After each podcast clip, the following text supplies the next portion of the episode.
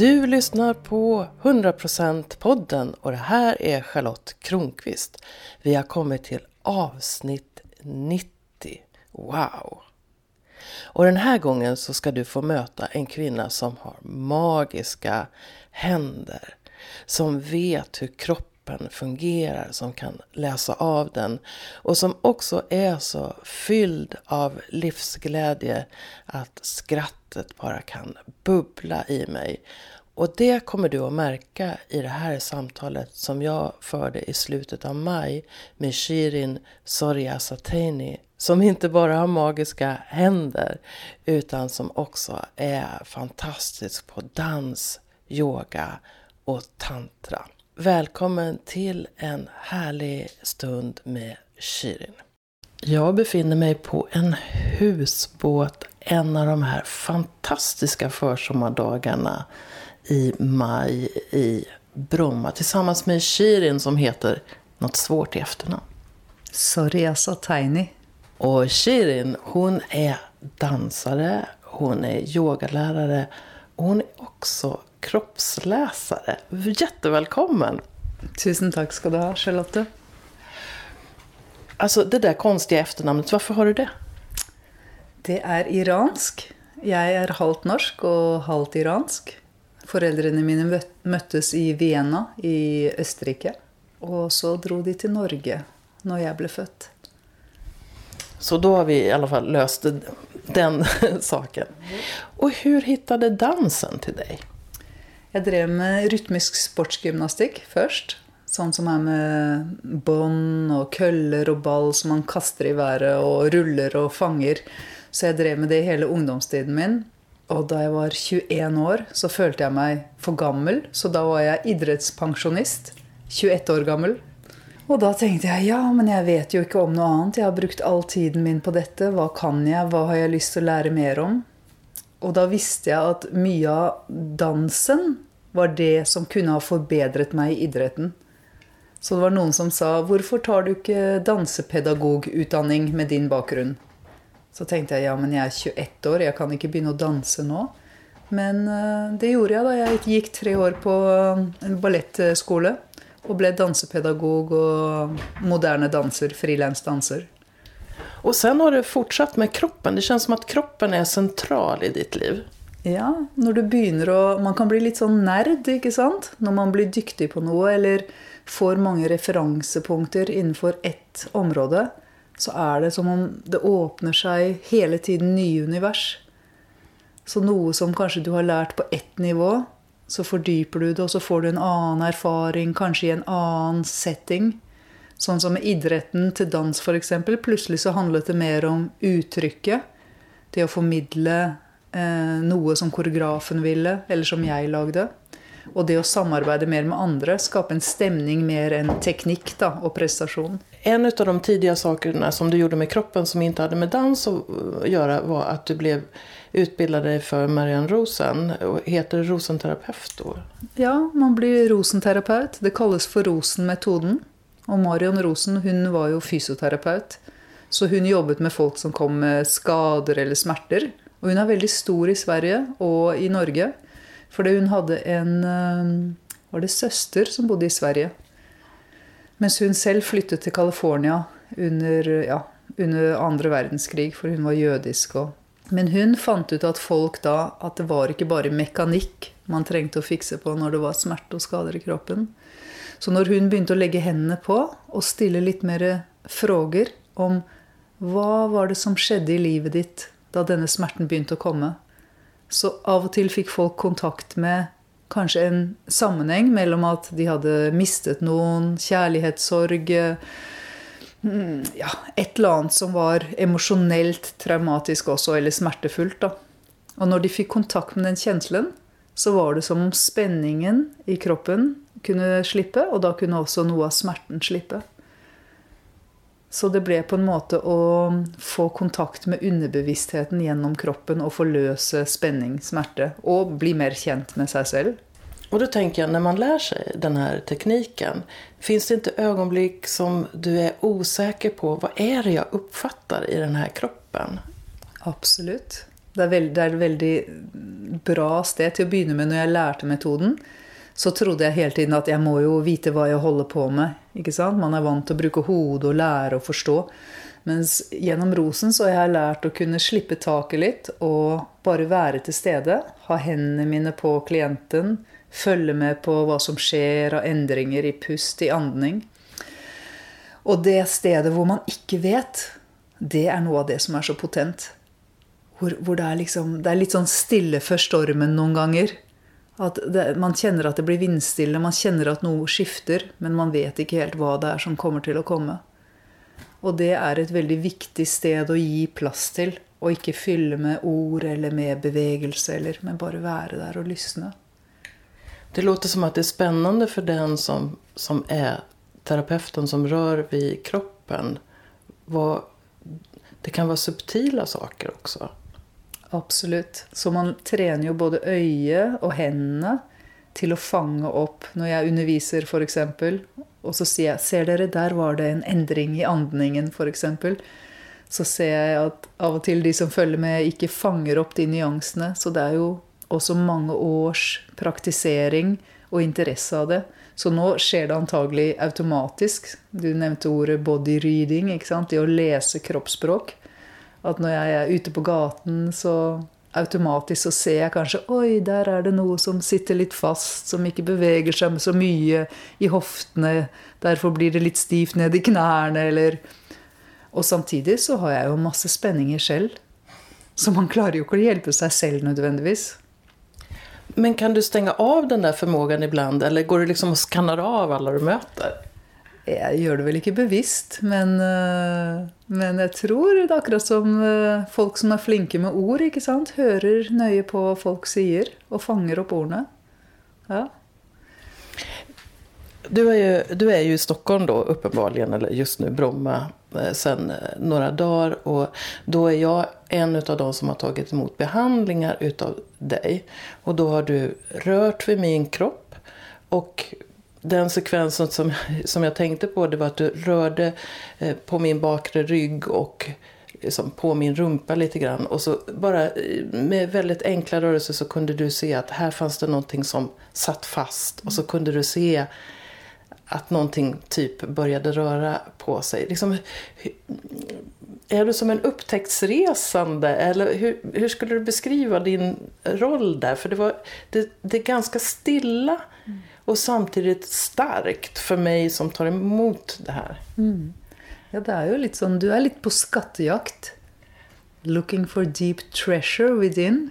Det som man ikke vet, det som man ikke har kontakt med. Så Som barn så har, man, har jo disse muskelspenningene vært der for å beskytte oss.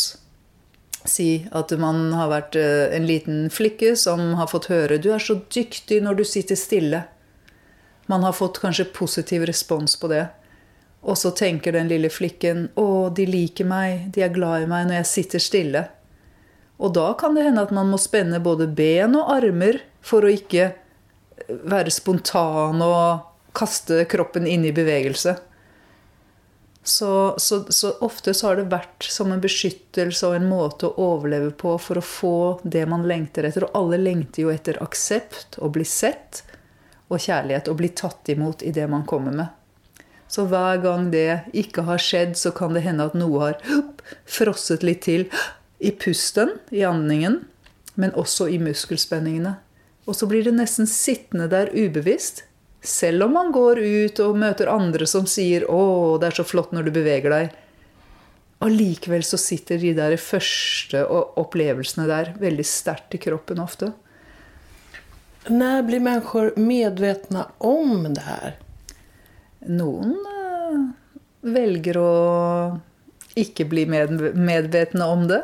Og lever et helt liv og tenker at det er alderen som eh, gjør at jeg blir stellere og stellere. Mens andre Jeg tenker at dette her, for min egen del, jeg får en del behandlinger, og jeg tenker at det er preventivt. Og jeg tenker også at de spenningene jeg har, de kommer fordi jeg repeterer gamle mønstre. Av å bære for mye ansvar på skuldrene. Av å passe på å si snelle ting istedenfor å Når jeg egentlig bare sier Kan dere være stille her? Jeg er sliten. Jeg er trøtt. Ikke sant? Vi er kultiverte, så vi holder tilbake en del ting. Og det gjør at jeg opprettholder en del av de spenningene i kroppen min. Mm. Du sier at vi överlevde. Så någon gång så tjänade det oss att till exempel bli, eh, sitta stilla för att då fick vi kärlek eller så. Är tricket att börja förstå att vi behöver inte göra så längre utan nu är vi vuxna människor? Absolutt. Og det å koble den gamle kjenslen fra det lille barnet som har den kjenslen, sammen med den voksne som her er nå, her og nå.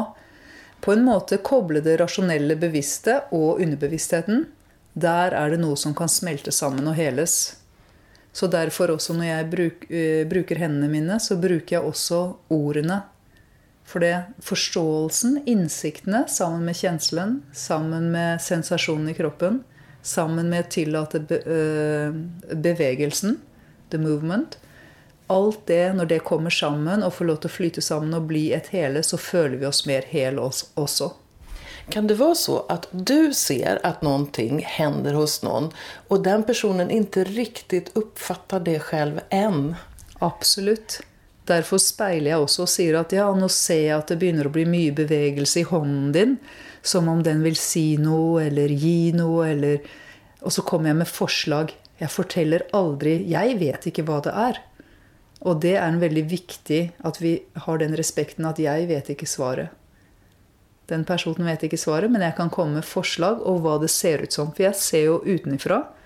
Så jeg kan se om de blir røde i ansiktet eller biter tennene sammen. Og det er ikke så lett for personen selv å kjenne, for det er kanskje noe de alltid gjør.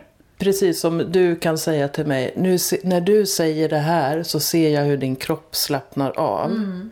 Bara för att spegla det du ser. Och då drar jag slutsatsen själv av det. Ja. Men jag får hjälp att se någonting hos mig, selv. själv. Det är så det Riktig. Du får noen flere biter, du får noen flere vinklinger.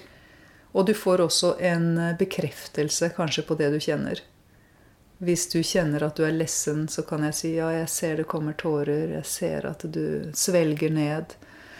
Och man behöver inte säga att du är ledsen utan mer jag ser tårar. Ja, det är en ser, väldigt stor ja. skillnad mellan de två sätten att uttrycka det. Tycker jag. Absolutt. For noen ganger så kan det jo være tårer av takknemlighet også. Någonting som jag ty tycker är spännande också och som jag vet att du sysslar med. För det som den behandling jag fick kallades att det var en intuitiv behandling. Och, och jag jobbar mycket med intuitionen, eller tillåter den mer och mer. Och litar på den eh, mer och mer. Och ett uttryck för det är ju att jag inte har några färdiga frågor här utan jag litar på att det kommer och så. Men jag börjar fundera på hur är din relation till din intuition och hur har den utvecklats? Vad har varit till hjälp för dig att lita på den? Ja, det er veldig spennende. Det er jättespännande og jeg syns også det var spennende når du inviterade meg til å sitte her i et åpent rom, hvor vi bare ser hva som kommer igenom oss. Og selvfølgelig, vi har med oss all erfaringen, så det ligger jo der til å bli tatt i bruk. Det er verktøy, det er redskap. Men kanskje kan vi også bli overrasket av oss selv, og det er den deiligste kjenslen jeg kan ha. Når, jeg, når det plutselig kommer noe som jeg tenker Hva? Hvor kom det fra? Det kjenner jeg ikke igjen. Ok, det kan jeg også komme gjennom meg som et uttrykk eller en kjensle. For meg så har det handlet mye om å tørre å gi slipp i trygge rammer. Slippe taget. Slippe taget i trygge rammer. Selge legenhet. Reise ut i verden. Ikke uten retning. Arbeidet mitt har alltid vært et anker for meg. Jeg har ikke familie, mann eller barn, så det har alltid vært mye frihet. Så arbeidet mitt og disse dansen og yogaen og dette her har vært kan si, gitt meg retning, da. Men uh, intuisjonen Mer og mer så bruker jeg livet og omgivelsene mine som et speil. Hvordan ser jeg på omgivelsene mine? Det tenker jeg at det er et speil for mitt indre. Hvis jeg en dag er gjettelåg på energi og kanskje litt i offerenergi og syns at alle, at noen kunne hjelpe meg litt mer, eller et eller annet, så er det liksom det jeg ser, og det jeg tiltrekker meg. Og de dagene jeg kjenner full av takknemlighet, så kjenner jeg at jeg utstråler noe annet, og også opplever en annen hva jeg ser rundt meg. da. Kanskje er det de samme omgivelsene hele tiden, men jeg ser verden annerledes. Jeg fanger opp de tingene som matcher min stemning. Og det kan du ta med deg i møtet med dine klienter? da? Absolutt. Så som regel så ber jeg en intensjonsbønn på forhånd og stiller meg åpen og sier eh, kjære spirit, takk. Først takker for det jeg kjenner som jeg er takknemlig for. Takker for det møtet. At det å være i det rommet her nå med deg, f.eks., Charlotte. Mm. Takk for at vi har tid til dette her og utforske menneskeligheten vår. Takk for at vi har tid til å leke. Når jeg gir session, så sier jeg ja, vær så snill å bruke hendene mine og ordene mine på best mulig måte, sånn at jeg kan støtte denne personen her i sin reise til å forløse det som ikke trengs å bæres lenger, og åpne opp for mer av det de lengter etter. Hmm. Mm. Og så er det et viktig poeng også at så gir jeg slipp. For jeg vet jo ikke hva som er best for den personen. Så jeg kan ha en intensjon, men så sier jeg også hvis det er det beste, så la det skje. Men hvis det ikke er det, så skjer det noe annet. Jeg tycker det er så spennende i mitt liv, for før hadde jeg mer ideer. Alltså, precis som du sier, så har ju jag en riktning i livet och jeg satser på vissa saker och så. Mm. Men sen innanför den ramen så, så känner jag mig helt fri att göra, eller mer eller mindre fri att göra vad jag vill. Och det betyder att jag har inte några färdiga idéer om hur saker ska vara. Och jag tycker det förhållningssättet är så otroligt eh, spännande. För det innebär ju också att jag kan möta saker som jag kanske inte hade møtt om jeg hadde bestemt meg på förhand hur det skulle bli. Liksom. Mm. Er det, does it resonate? Ja, absolutt. Og for meg å reise til nye steder hvor jeg Når jeg kommer til Oslo Jeg har til og med en bil i Oslo. Jeg, jeg, når jeg er andre steder, så kjører jeg aldri bil. Men der har jeg min gamle rutine. Jeg føler meg fri når jeg har bil der. Så da vet jeg hvor jeg skal. Og det, det skjer ikke så mange spontane møter på veien når jeg skal fra A til B. Mens nå er jeg her på en husbåt plutselig. Det visste ikke jeg før denne weekenden her. Jeg visste jeg skulle til Stockholm. Men jeg visste ikke at jeg skulle sove den siste natten på en husbåt og sole meg på taket av båten og møte deg. Ja, og visst blir livet så liksom, spennende. Jeg, jeg, jeg prater jo mye om lekfullhet. Og å møte livet nu blir jag lite generad, men mm. jag brukar säga att möta livet with a state of wonder. Mm. Att tycka wow! Mm. Och det kan vara även utav små saker. Ja. Og det har jeg utviklet gjennom å slippe kontrollen. Nemlig. Og jeg kjente også, sånn som i går, så spurte jeg litt flere mennesker om muligheten til å overnatte i natt. Og jeg mediterte, kontemplerte litt rundt det. For jeg stoler også på at eh, om det kjennes riktig for meg, så er det riktig for de menneskene jeg skal møte også. Så jeg hadde noen andre muligheter, men det kjentes litt mer trangt eller litt mer travelt busy ut andre, hvis jeg skulle dra til de andre. Så når jeg kjente inn i forhold til å være på båten her, så var det noe som liksom landet litt lenger ned i kroppen min. Og da bruker jeg også veldig kroppskjenselen som en indikator på min intuisjon. På hva som kjennes godt og rett for meg. Så når jeg er mer i kontakt med kroppen, så er det som jeg kan stole mer på valgene mine, hvor de kommer fra. At jeg kjenner det. Det der er jo så spennende. For det er så her, når du fatter beslut, f.eks. jeg skal starte en utbildning i Amsterdam. Mm. Hvordan kommer det til? Mm. Det er mange biter, og det kjennes nesten som universet, livet, gir meg liksom sånne små muligheter at jeg skulle starte en utbildning i Amsterdam. Eh, først så hadde jeg to personer som sa ok, vi har en legenhet som du kan bo i i 2018 om du lærer oss hvordan du gir behandlinger.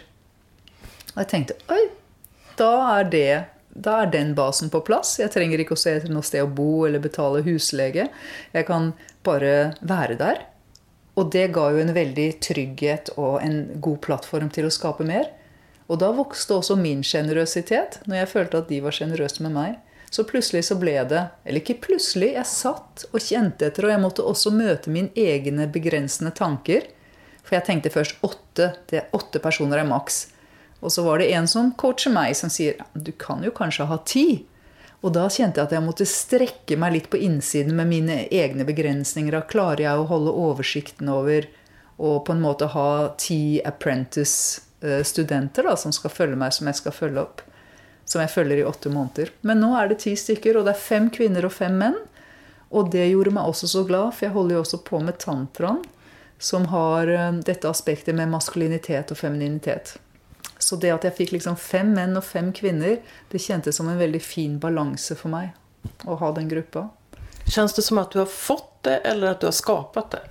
Jeg er en del av den, den vi skaper til sammen. Ja, det er flere som skaper til sammen. Men selvfølgelig, jeg er den som holder rammene og setter kursen og innholdet på kursen òg. Og hvor jeg bruker all denne Jeg var også rede nå til å bruke all den ulike erfaringen jeg har, inn i en utdannelse. Du nevnte jo bønnen nå. Mm. Hva betyr den for den för, vad betyder den för dig och har den, vad har den koppling till? Mm. Det, det, finns ju så mycket föreställningar om bön och en är så här, ja men det är något som kristna gör. Mm. Men jag tror, ja, jeg skal ikke tro, utan hva er bønnen for deg? Når du spør meg det spørsmålet, så kommer det opp mange bilder, ulike bilder. Da jeg var 15 år, så hadde jeg veldig lite tillit til menneskene. Det var liksom en del svik og en del trøbbel. Og... Så jeg fant ut at jeg ville døpe meg. For jeg hadde jo iransk far, så jeg var ikke automatisk døpt. De hadde ingen påvirkning på min religion. Det var helt øppet, faktisk, og det er jeg veldig takknemlig for. Så jeg valgte å døpe meg og konfirmere meg som 15-åring. Fordi jeg trengte å tro på noe som var større enn menneskene, for menneskene hadde skuffet meg litt.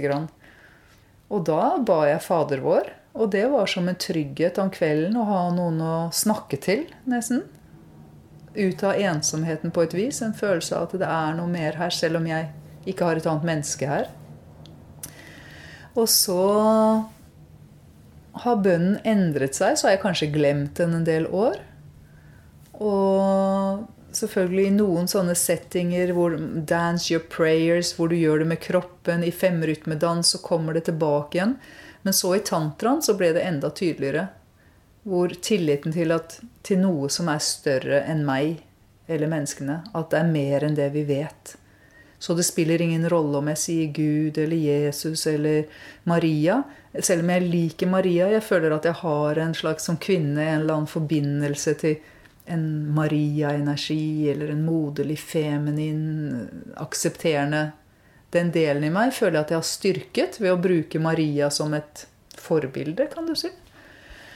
Mens noen ganger så bytter jeg for å prøve. Kjære livet, sier jeg av og til. Kjære eksistensen, universet, moder jord, hm, far i himmelen. Det er jo bare ord og bilder.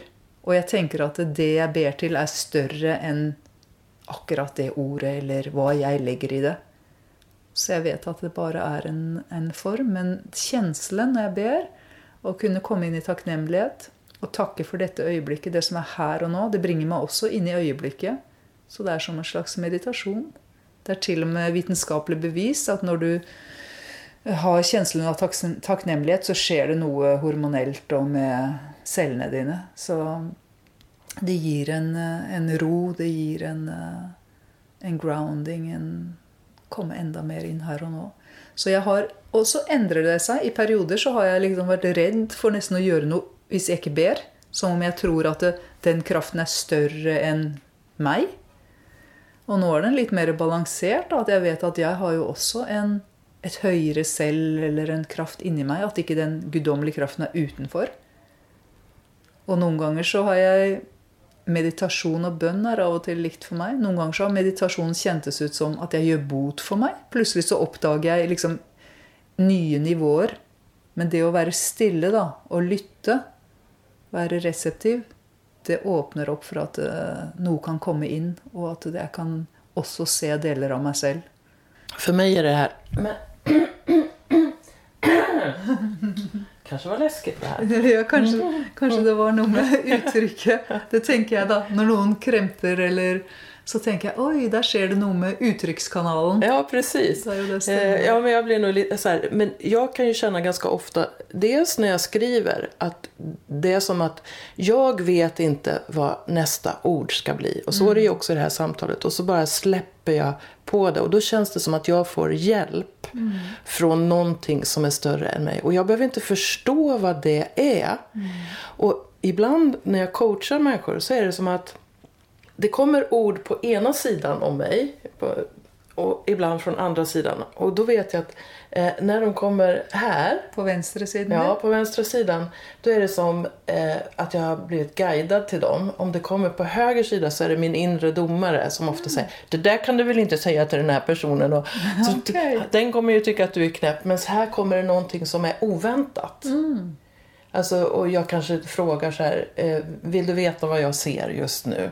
Och så säger de ja, och så säger jag vad jag ser. För jag ser mycket bilder Ja. också. Men då, förut har ju då den här, den här andra sidan, det har inte varit medveten om det på det här sättet. Men då har den ju stoppat mig från att låta det här flöda på. Men ja, jag blir lite blyg när jag säger det där. Men det är, som att, det är verkligen som att orden trillar ner så här. Och så, jag får dem inte hela meningar utan det är bara som början på meningen och sen får jag säga dem och så, ja, ibland kan jag vara förvånad själv. Ja. Du kan se på det efterkant og se hva det ble. Ja, Ja. ibland när jag skriver så här så vet jag inte vad jag ska skriva. Och sen så läser jag texten efter och säger, men vad bra det här blev. Eller hvem var det som skrev Ja, dette? ja, ja. Så, det, så det är en aspekt av, eh, av eh, intu, eller intuition, men också att vara i kontakt med någonting Og Och lytte. Ja. Ja, för mig förändrades livet mycket när jag förstod att jag inte var ensam. Och det var det jag kom i kontakt med nu när du sa att du ville konfirmera dig och så.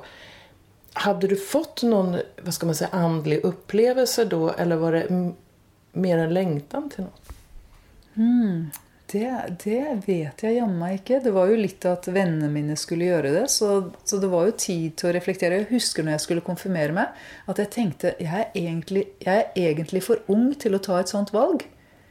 Men hvis jeg må ta det valget, så velger jeg heller å gjøre det enn å ikke gjøre det. Så, men jeg kjente at jeg var ung til å ta et så stort valg da, som det kjentes da. Og jeg har aldri angret på det. Men apropos det med bønn, jeg hadde et tidligere inntrykk av noen i bønn, og det var da jeg var i Iran som tiåring. Sammen med mor og far og søster. Og da møtte vi min bestefar, mm, farfar. Og han var jo muslim. Og vi var på en landsbygd hvor han var sjef, og de hadde hester, og mens andre bodde i jordhytter. Og så det var liksom, plutselig var det litt mer sånn rike mennesker. Og, men samtidig så var han en landsbyfader også. Så jeg husker klokken fem om morgenen så hørte jeg stemmen hans. Jeg har også et bilde av at jeg ser han, men jeg så han sikkert ikke. At han var oppe på taket og ropte ut bønn til hele byen. Og det gjorde veldig sterkt inntrykk på meg. Og jeg kom tilbake til Iran da jeg var 38, mange mange år etterpå, alene for å møte familie igjen. Og da husker jeg jeg og tantene, to tanter vi, vi gikk eh, rett til eh, moskeen for å takke for at jeg hadde kommet fram. Så noen ganger kjenner jeg at det er som jeg har noe genetisk eller kulturarv fra Iran som er mindre rasjonelle, mye mer emosjonelle. eh, Som jeg også har vært til tider liksom ubehagelig eh, emosjonell for min egen del. Mens nå har jeg fått gitt mer aksept for det, så da er det også litt lugnere med det språket. Men jeg kan kjenne den eh, åpenheten, at de ikke stiller spørsmål fra hodet, men at de kan be, de kan takke, de kan være ydmyke uten å skulle forstå. Det der tror jeg er noe som er viktig for mennesker å høre. For vi lever i en kultur der tanken er så viktig. Gjør du noe for å slippe å tenke? Jeg vet ikke. Være i naturen. Det er jo noe vi skandinaver er ganske flinke til. Liksom flyte utover istedenfor innover inn i sin lille boble. Ja, være i sansene. Bringe inn sanseligheten. Um, Men tankene er jo der. De er jo der hele tiden. Men de kan komme litt mer i bakgrunnen, sånn jeg opplever det fra meditasjon. Jeg har jo også vært på kanskje syv vipassana, så jeg, har jo virkelig lett etter stillhet. Eh, hvor man sitter ti dager i stillhet omtrent. Ja. Så jeg har jo søkt stillhet og det å lytte og det å skalle av lag. Mens nå er jeg På et tidspunkt så kjentes det litt for tørt ut. Litt for maskulint. Jeg følte at jeg ble litt mistet juicen i livet. Så etter det så kom tantraen, som brakte tilbake dansegleden min og følelsen av at jeg er kvinne, jeg er kropp, jeg er på jorda. Jeg skal ikke bare være et tomt, åpent rom, liksom. Jeg kan få lov til å fylle det med kreativiteten og spontaniteten og galskapen og ah, lekenheten og sexynessen og ja. Så hva er tantra? Lysten på livet, rett og slett. Kan få lov til å være med. Så hva er tantra for deg? Tantra for meg eh, har vært med i en skole, eh, The New Tantra, i kanskje seks-syv år. Nå har jeg Det siste året så har jeg gått mer min egen vei for å kjenne det er også bare et verktøy eller et kapittel på racen, men som for alltid vil være med meg. Sånn har jeg gjort det tidligere også. Dansekapitlet, yogakapitlet, ROS-metoden. ikke sant? Og så er det fortsatt med meg, men det er ikke min, mitt hovedfokus nødvendigvis. Tantraen har styrket uh, det med uh, intuisjonen og tilliten til at det, er en større guidance. At hvis jeg slipper litt kontroll, så kommer impulsene og drivkraftene også litt fra utsiden. Jeg må ikke sette i gang alt på egen hånd. Og det har også selvfølgelig tatt bort en del av skamfølelser rundt seksualiteten. Ved å eksponere seksualiteten så, så kommer jo alle de lagene opp. Av hva jeg tror jeg må være, eller hva man tror sex skal være. Hva er sex? Eh, seksualitet er jo livskraft. Så veldig mye av min kreativitet og glede og lekenhet kom tilbake også gjennom eh, Og det å tørre å være som et barn ikke sant? Være som en, voksen, som en voksen del av meg ville kanskje tenkt Nei, nå må du oppføre deg. liksom. Du er voksen. Du kan ikke, voksen dame. Du kan ikke liksom rulle rundt på gulvet som om du er fem år. Og samtidig så syns jeg det er gøy av og til. Det er så herlig, for når du sier det, så lever hele ditt ansikte opp. Du blir mjukere, du blir gladere. Og så, så, det, så det var jeg ser. ja, ikke sant? Takk for det. Jeg kjenner jeg blir varm også i ansiktet. Mm. Så vi har mange ideer om hva det er å være voksen. Som, Hvordan man skal oppføre seg og sånn. Så det å finne tilbake den uskylden eller den barnlige spontaniteten Ikke bli som et barn, men den spontaniteten som er åpen for å prøve nye ting. Mm. For meg er det en viktig poeng. For jeg tar med meg mitt barn mycket, alltså det her state of wonder og mm. lekfullhet og så, det, det tycker jeg er barnet. Og mm. Jeg bruker gjøre bilden av at mange mennesker sitter i fängelse och så en dag så ser man att det finns en dörr till fängelset och där ute är en äng. og det finns blommor på ängen och hur långt törs man gå ut? Och när jag har den, så det är lite den världssynen jag har. Och nu har jag vågat mig ganska långt ut på ängen och mitt liv blir bara roligare och roligare. Jag ser fler blommor, eh, det doftar mer, alla mm. sinnen blir mer eh, som aktiverade. Men samtidigt så är jag en vuxen mogen kvinna. Ja. Jag har minnen, jag har kunskaper, jag har det.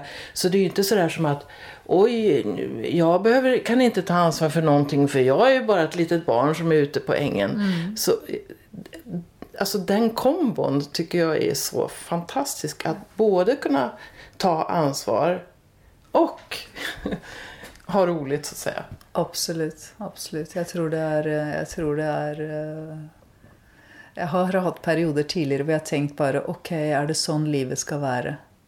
Ikke sant? Jeg får bare holde ut, da. Eller på vinterstid når det er kaldt i Norge, eller Ikke sant? Ja, ja. Det er vel bare sånn. Man må bare komme seg gjennom denne fasen. Det orker jeg ikke lenger. Jeg tenker at nei, jeg har et valg. Jeg kan faktisk endre på noe hvis noe kjennes så tråkigt eller så hardt ut at jeg må holde ut. Da får jeg gjøre et grep. Da får jeg et eller annet, da får jeg ta fri fra jobben, eller da får jeg liksom gå ut i skogen eller ta en flybillett til et varmt sted og ta semester, eller Så jeg prøver jo å gi meg selv en sånn ramme også, at jeg har valgmuligheter. Men jeg lever også ganske enkelt. Jeg bruker ikke masse penger, men samtidig så kjenner jeg at jeg er så heldig at jeg vokste opp i Norge. At jeg har kapital til å kunne ta meg frihet. Og det gir meg en type trygghet også. til å kunne ta fri når jeg vil, og ikke la, være i rotteracet og tenke at nei, jeg må stå på hardere, og så kan jeg ta semester, eller så kan jeg ta fri til å flyte i mitt eget tempo. Det har vært en veldig viktig investering, og fortsatt er det. Og som frilans så er man på en måte alltid litt på jobb når man er hjemme. Så for meg så har det å reise bort vært veldig, vært veldig viktig. For å slippe taket litt og risette og komme tilbake til her og nå. Reise bort for å reise hjem? Ja, det kan du også si. Ja. For å bare være med meg. For å prioritere meg. Ja. Mm. Så når er du riktig lykkelig?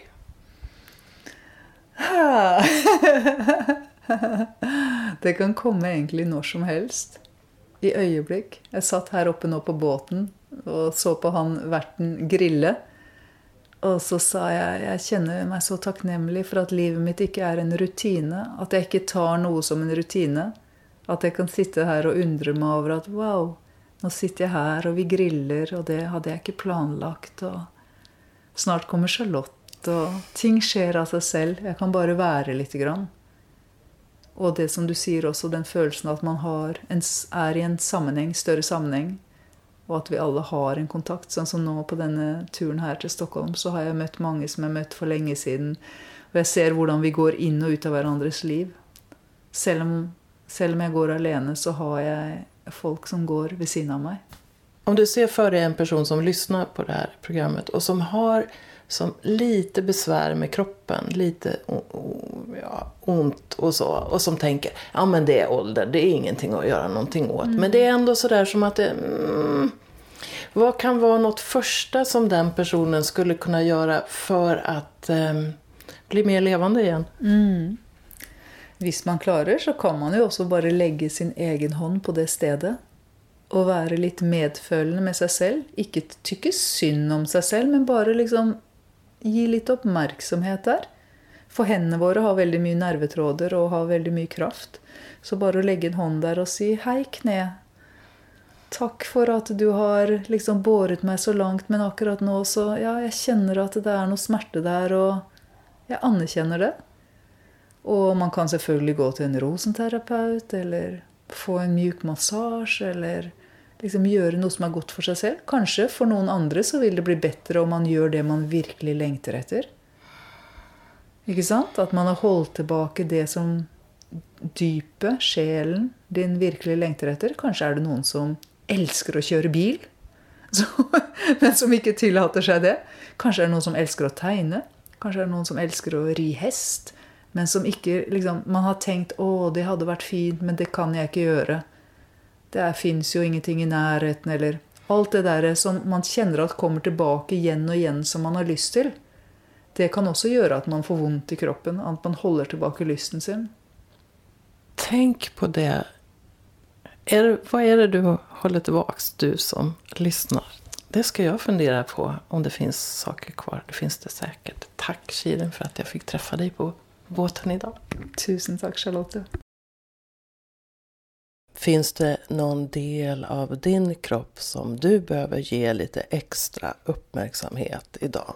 Kanske ska du göra som Shirin sa, lägga en hand där och säga Tack för allt du har gjort för mig hittills, jag ser dig. Och kanske är det tid att fundera på hur levande kropp du vill ha, hur levande och lekfullt liv du vill ha.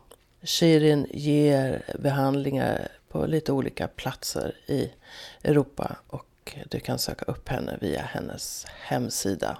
100%-podden är ju mitt, Charlotte Kronqvists hjärteprojekt och som du märker så får jag möta helt fantastiska människor på den här resan. Och du får gärna tipsa på andra 100%are.